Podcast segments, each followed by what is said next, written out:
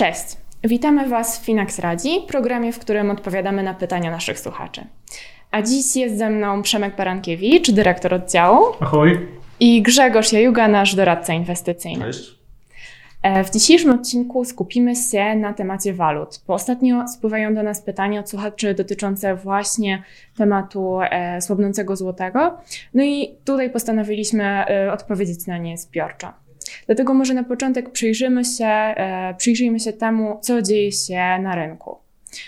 Mm, po dramatycznych spadkach, jakie złoty odnotował po wybuchu wojny, gdzie niebezpiecznie zbliżały się te wartości już do, do 5 zł, podczas gdy przed wybuchem wojny euro można było kupić za około 4,50. Mm, złoty chwilowo odbił się, natomiast e, znowu te ceny poszybowały. W momencie, w którym nagrywamy ten odcinek, euro kosztuje 4,80 zł i 83 grosze. Jeszcze gorzej wygląda e, kwestia relacji złotówki do dolara, który e, jeszcze przed wojną kosztował 3 zł i 93 grosze, co w perspektywie historycznej i tak było dosyć wysoką ceną. Natomiast obecnie musimy zapłacić za niego niemal tyle, ile za euro.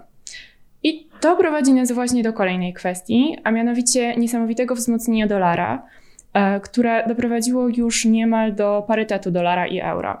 Także innymi słowy, widzimy, że na rynku walut dzieje się bardzo dużo. I tutaj chciałabym przejść do mojego pierwszego pytania. Jakie są przyczyny tej obecnej sytuacji?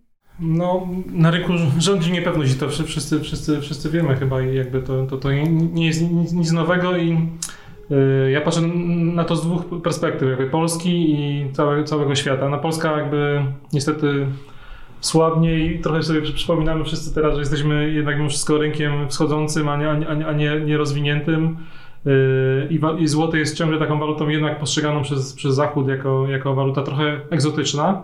W momentach niepewności rynkowej z reguły mm, niestety tra, traci na wartości. Yy, no druga sprawa, że, że dolar jest niesłychanie mocny. Jest mocny, bo, bo są różnice stopa procentowych między Stanami a Eurolandem. Stany już zaczęły ten swój cykl podwyższania stóp procentowych, żeby walczyć z inflacją. Mimo, że w obu, w obu tych y, y, strefach, czyli USA i Unia Europejska, y, średnia inflacja jest zbliżona ponad 8% w ujęciu rocznym, to Stany zaczęły agresywnie walczyć z inflacją, podnosząc stopy. Natomiast Euroland, czyli strefa euro, no niestety, znaczy, niestety z punktu widzenia tego, kto na przykład idzie, na wakacje do, do Włoch czy do Hiszpanii, E, trzyma te stopy ciągle w, w, okolicach zera, więc jakby ten kapitał naturalnie płynie, płynie do, do, do Stanów, to jest jakby e, zrozumiałe. E, no i to się też odbija na, na, na Polsce, bo trochę jest tak, że jak jest silny do, dolar, to z reguły rynki wschodzące, do których się, powtarzam znowu, Polska ciągle zalicza, to te waluty tych krajów wschodzących tracą. No i z tym mamy do czynienia obecnie. Wydaje mi się, że jak teraz wspomniałeś, żeby, żeby jakby ten parytet, czyli kurs euro do dolara mm, po raz pierwszy po 20 lat euro za chwilę będzie tań, może już w tym momencie jak oglądacie jest, jest tańsze niż dolar, to jakby jeśli przebije euro tę barierę, to, to wydaje mi się, że, że dolar pójdzie dalej, euro się będzie osłabiało. My trochę tak mówimy to wszystko w takich nastrojach pesymistycznych, bo, bo jakby złoty jest taką emanacją trochę tego, co się dzieje w naszej gospodarce, jak postrzegana nasza gospodarka. A w sumie to nie dla każdego jest taka zła informacja, nie? bo ktoś, nie, nie, każdy jedzie na wakacje za, za, granicę. Są eksporterzy, są tacy ludzie, którzy oszczędzają w walutach obcych, więc oni akurat y, y, się z tego powodu cieszą. Y, no co dalej, wiele zależy od tego, co, co zrobi nasz bank centralny. Y, z ostatnich jakby y, wypowiedzi wynika, że przymyka trochę oko na tą inflację i ta, ta podwyżka stóp ostatnio była, nie, była stosunkowo nieduża. Więc y, tutaj polityka trochę wchodzi, wchodzi w grę i wydaje mi się, że, że i w Banku Centralnym, i w rządzie mamy tą samą opcję polityczną. Wybory niedługo, więc prezes NBP, pewnie Adam Glapiński, nie będzie szybko tych stóp podnosił, żeby, żeby tej recesji szybko nie, nie, nie przywołać, bo to chyba była najgorsza informacja dla rządzących, gdyby nagle recesja zagościła przed, przed wyborami, więc ja myślę, że złoty się będzie dalej osłabiał. Y, ale chyba do tego jeszcze dojdziemy. Mm, To w takim razie tutaj mówiłeś o krótkim terminie, ale mm, jak to wygląda w długim terminie? Co wpływa na to kształtowanie się kursów w takiej długoterminowej perspektywie? To znaczy, ja myślę, zacznę od anegdoty. Pamiętam kilka bądź kilkanaście lat temu wszyscy tak się zastanawiali, czy te główne waluty, frank szwajcarski, dolar, euro, gdzieś tam się zrównają wszystkie przy kursie 4 zł. E, teraz się bardziej zastanawiamy, czy może to będzie przy pięciu. E, ale odpowiadając, Klaudia, na Twoje pytanie, no przede wszystkim mówimy o długoterminowej konkurencyjności gospodarek, tak? E, I tutaj są, preferowane są oczywiście te waluty, które no, są tym takim koszykiem walut, podstawo, walut podstawowych.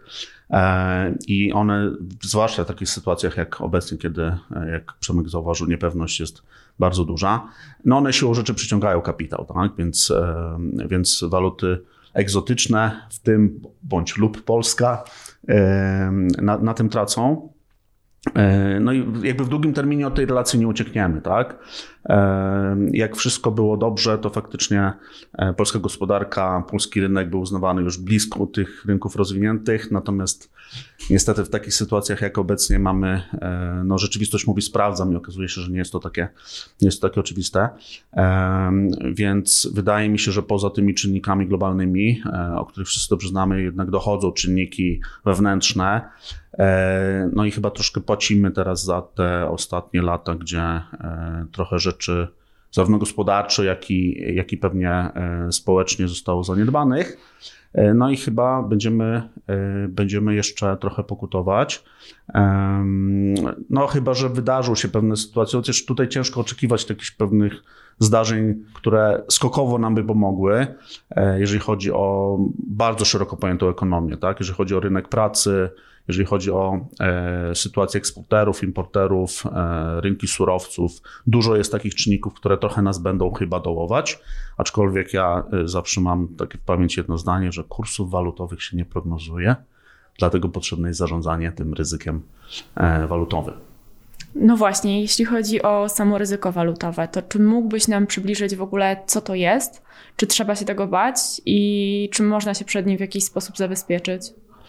E, ryzyko walutowe, tak? czyli e, ryzyko związane z tym, że niekorzystne zmiany na, e, na rynkach walut pogorszą naszą sytuację finansową, czy to bezwzględnie, czy w, w jakiejś naszej działalności konkurencyjnej. Znaczy, podstawowa zasada mówi o tym, że jak masz wydatki w jednej walucie, to w tej walucie to również powinieneś generować przychody, tak? Ale myślę, że tego się wszyscy jako społeczeństwo nauczyliśmy, mam nadzieję, bądź cały czas uczymy, jeżeli chodzi o e, oczywiście o kwestie mm, kredytów frankowych.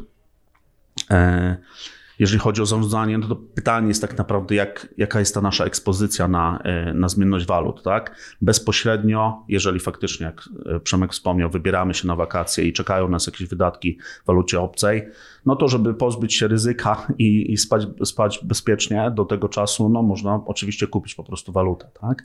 E, jeżeli chodzi o działalność gospodarczą, no to są różne mechanizmy zarządzania tym ryzykiem, natomiast z perspektywy gospodarstwa domowego długoterminowo częścią ryzyka jesteśmy w stanie zarządzić, to znaczy faktycznie, jeżeli mamy koszty e, ponoszone w euro, nie wiem, ktoś na przykład e, w euro czy w innej walucie, ktoś na przykład e, zbiera, oszczędza na studia dla dzieci za granicą, no to trzeba też się zastanowić, skąd ten pieniądz później wziąć, tak? W sensie generowania, generowania dochodów no pośrednio dużej części ryzyka nie jesteśmy w stanie zaadresować, no bo ono się przekłada tak naprawdę na całą gospodarkę, e, na sytuację chociażby naszych pracodawców. Jasne. A Przemku, może w takim razie przybliżysz nam, jak wygląda kwestia ryzyka walutowego w Finax? Bo w Finax oferujemy globalne inwestowanie, także siłą rzeczy ten temat może być bliski także naszym klientom. No tak, no tak. Jakby musicie pamiętać o, o, tym, że jakby macie portfel Finax, no to on, on jest obarczony ryzykiem walutowym. To słowo ryzyko jest takie niepokojące i, i, i, i ryzyko, ryzykowe, dokładnie. Ale to ryzyko ma, jak mówisz, dwie strony i my zawsze uczulamy na to ryzyko walutowe, natomiast yy, wydaje mi się, że nasi klienci są świadomi tego, że, że takie ryzyko ponoszą, a nawet celowo je ponoszą, czyli yy, po prostu chcą mieć część portfela, albo najlepiej cały, yy, w obcych walutach, no bo nie ukrywajmy, ten aktywa globalne, jakbyśmy podzielili sobie per, per kraj, per waluta, no to ten złoty to ma tam ekspozycję rzędu kilku promili, więc y, trochę głupio tak naprawdę trzymać y, kilkadziesiąt procent swojego majątku w tej, w tej, w tej, w tej walucie. Więc y, my, my, my o tym informujemy. Zresztą chyba też widzicie to w swoich wynikach portfeli, bo nawet, nawet jak spojrzymy na ten, na ten, na ten pierwszy, pierwsze półrocze, to wszystkie portfele globalne i polskie też traciły. Natomiast z punktu widzenia Kowalskiego, no to jednak ten, ten, ten kurs złotego osłabiający się jeśli macie portfel w walutach obcych, no to de facto mm, amortyzuje wam, wam te spadki. Czyli powiedzmy, nie wiem, indeks, teraz rzucam na, największy indeks y, globalny S&P 500, który też jakby się, na, na którym się opiera ten, ten, ten główny ETF, który jest w waszych portfelach. On traci, ale dzięki temu, że, że, że, że wy macie ekspozycję na, na tego dolara, czyli macie w portfelu poprzez tego ETF-a dolara, i dolar zyskuje do złotego, więc wy tracicie troszeczkę mniej niż, y, niż gdybyście y, byli Amerykanami tak, tak naprawdę. Więc z punktu widzenia klienta Finaxa to osłabienie złotego to jest bardzo y, no, dobra, informacja dla, dla, dla, waszego portfela, natomiast pamiętajcie, że to się może oczywiście odwrócić. Tylko pytanie, czy w długim terminie są większe szanse, że Polska będzie się wzmacniała, polska waluta, czy że raczej będzie słabła. Ja myślę, że, że, że w długim terminie to jednak ten, ten, ten, ten, ten, ten, ten drugi wariant, wariant jest dużo, dużo bardziej realny i też jakby, bo chyba, chyba też Klaudia, często my, ludziom się wydaje, że klientom naszym się wydaje, że my skoro mamy portfele w euro, to ta ekspozycja jest tylko na euro, nie? To ja muszę właśnie tutaj to, to, to jeszcze raz wyjaśnić i, i rozwiać jakby yy, w portfelach akcyjnych mamy trzy ETF-y e, opierające się na, na, na giełdzie amerykańskiej i tam tak naprawdę e, macie wystawienie, ekspozycję na dolara, czyli tam jesteście beneficjentem tego, jak się dolar wzmacnia do złotego i tracicie, jak się dolar e, do złotego osłabia.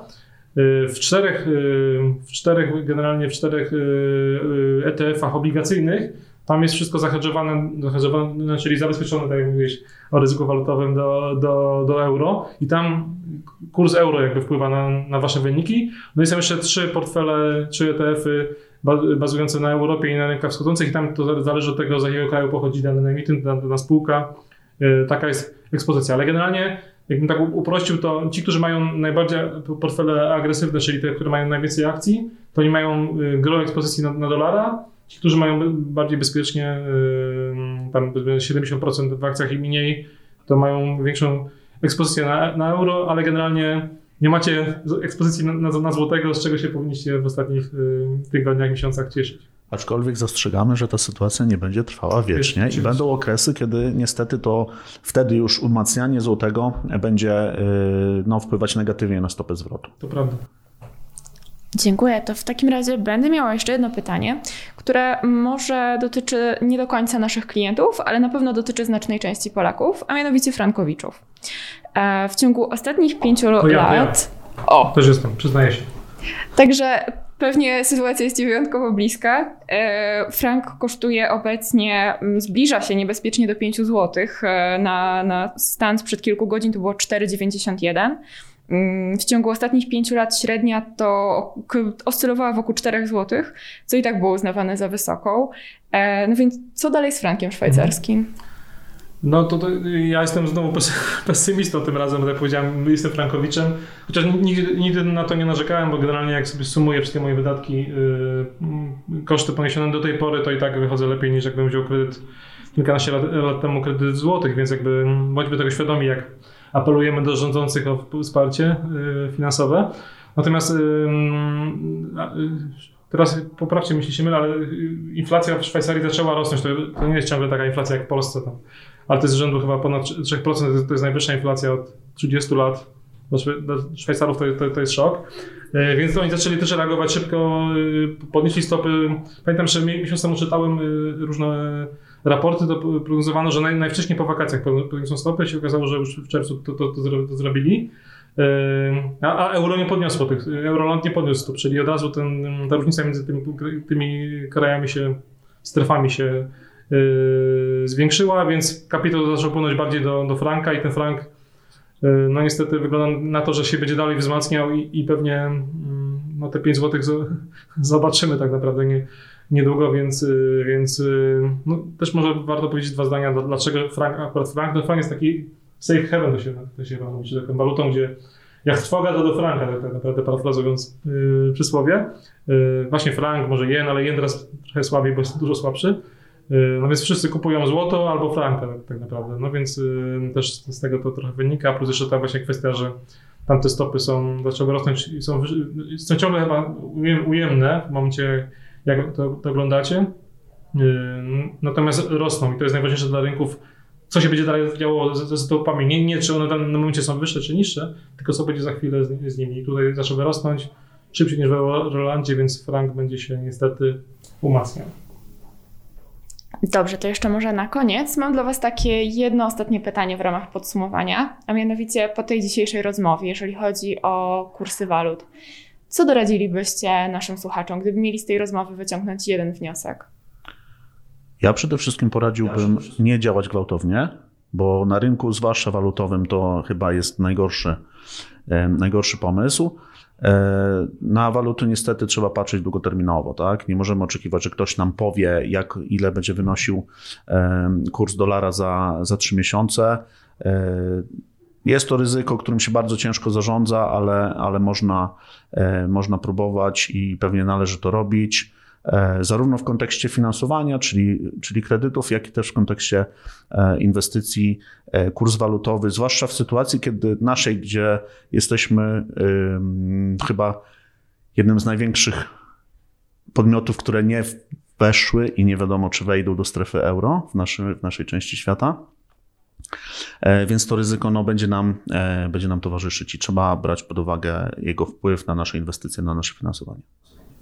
Właśnie kontynuując to, ja bym pewnie też e, słowa Grzegorza, no dywersyfikujcie to ryzyko, tak? Czyli inwestujcie w, różne waluty, jeśli inwestujecie, bo to też zależy, czy patrzymy na to, czy potrzebujecie te pieniądze na wyjazd, czy, czy na inwestycje, więc tu e, raczej dywersyfikacja, yy, raczej nie trudźcie się, jeżeli to jest kwestia miesiąca czy dwóch, prognozowanie tego, czy, bo to raczej nie ma sensu w krótkim terminie yy, kursów walut, długim bardziej.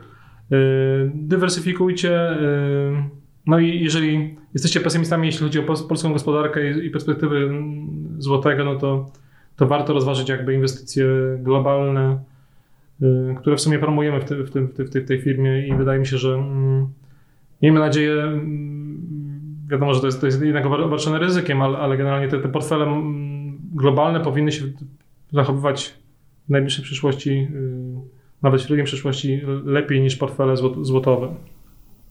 Dziękuję Wam bardzo. E, Dziękujemy. Dzięki. Dzięki, że byliście tu z nami, dzięki za Wasze odpowiedzi. Dziękujemy też słuchaczom e, za Waszą uwagę. Jeżeli podobał Wam się ten odcinek, to dajcie łapkę w górę, subskrybujcie nasz kanał, śledźcie nas w mediach społecznościowych i bądźcie z nami. Do zobaczenia. Ahoj. Cześć.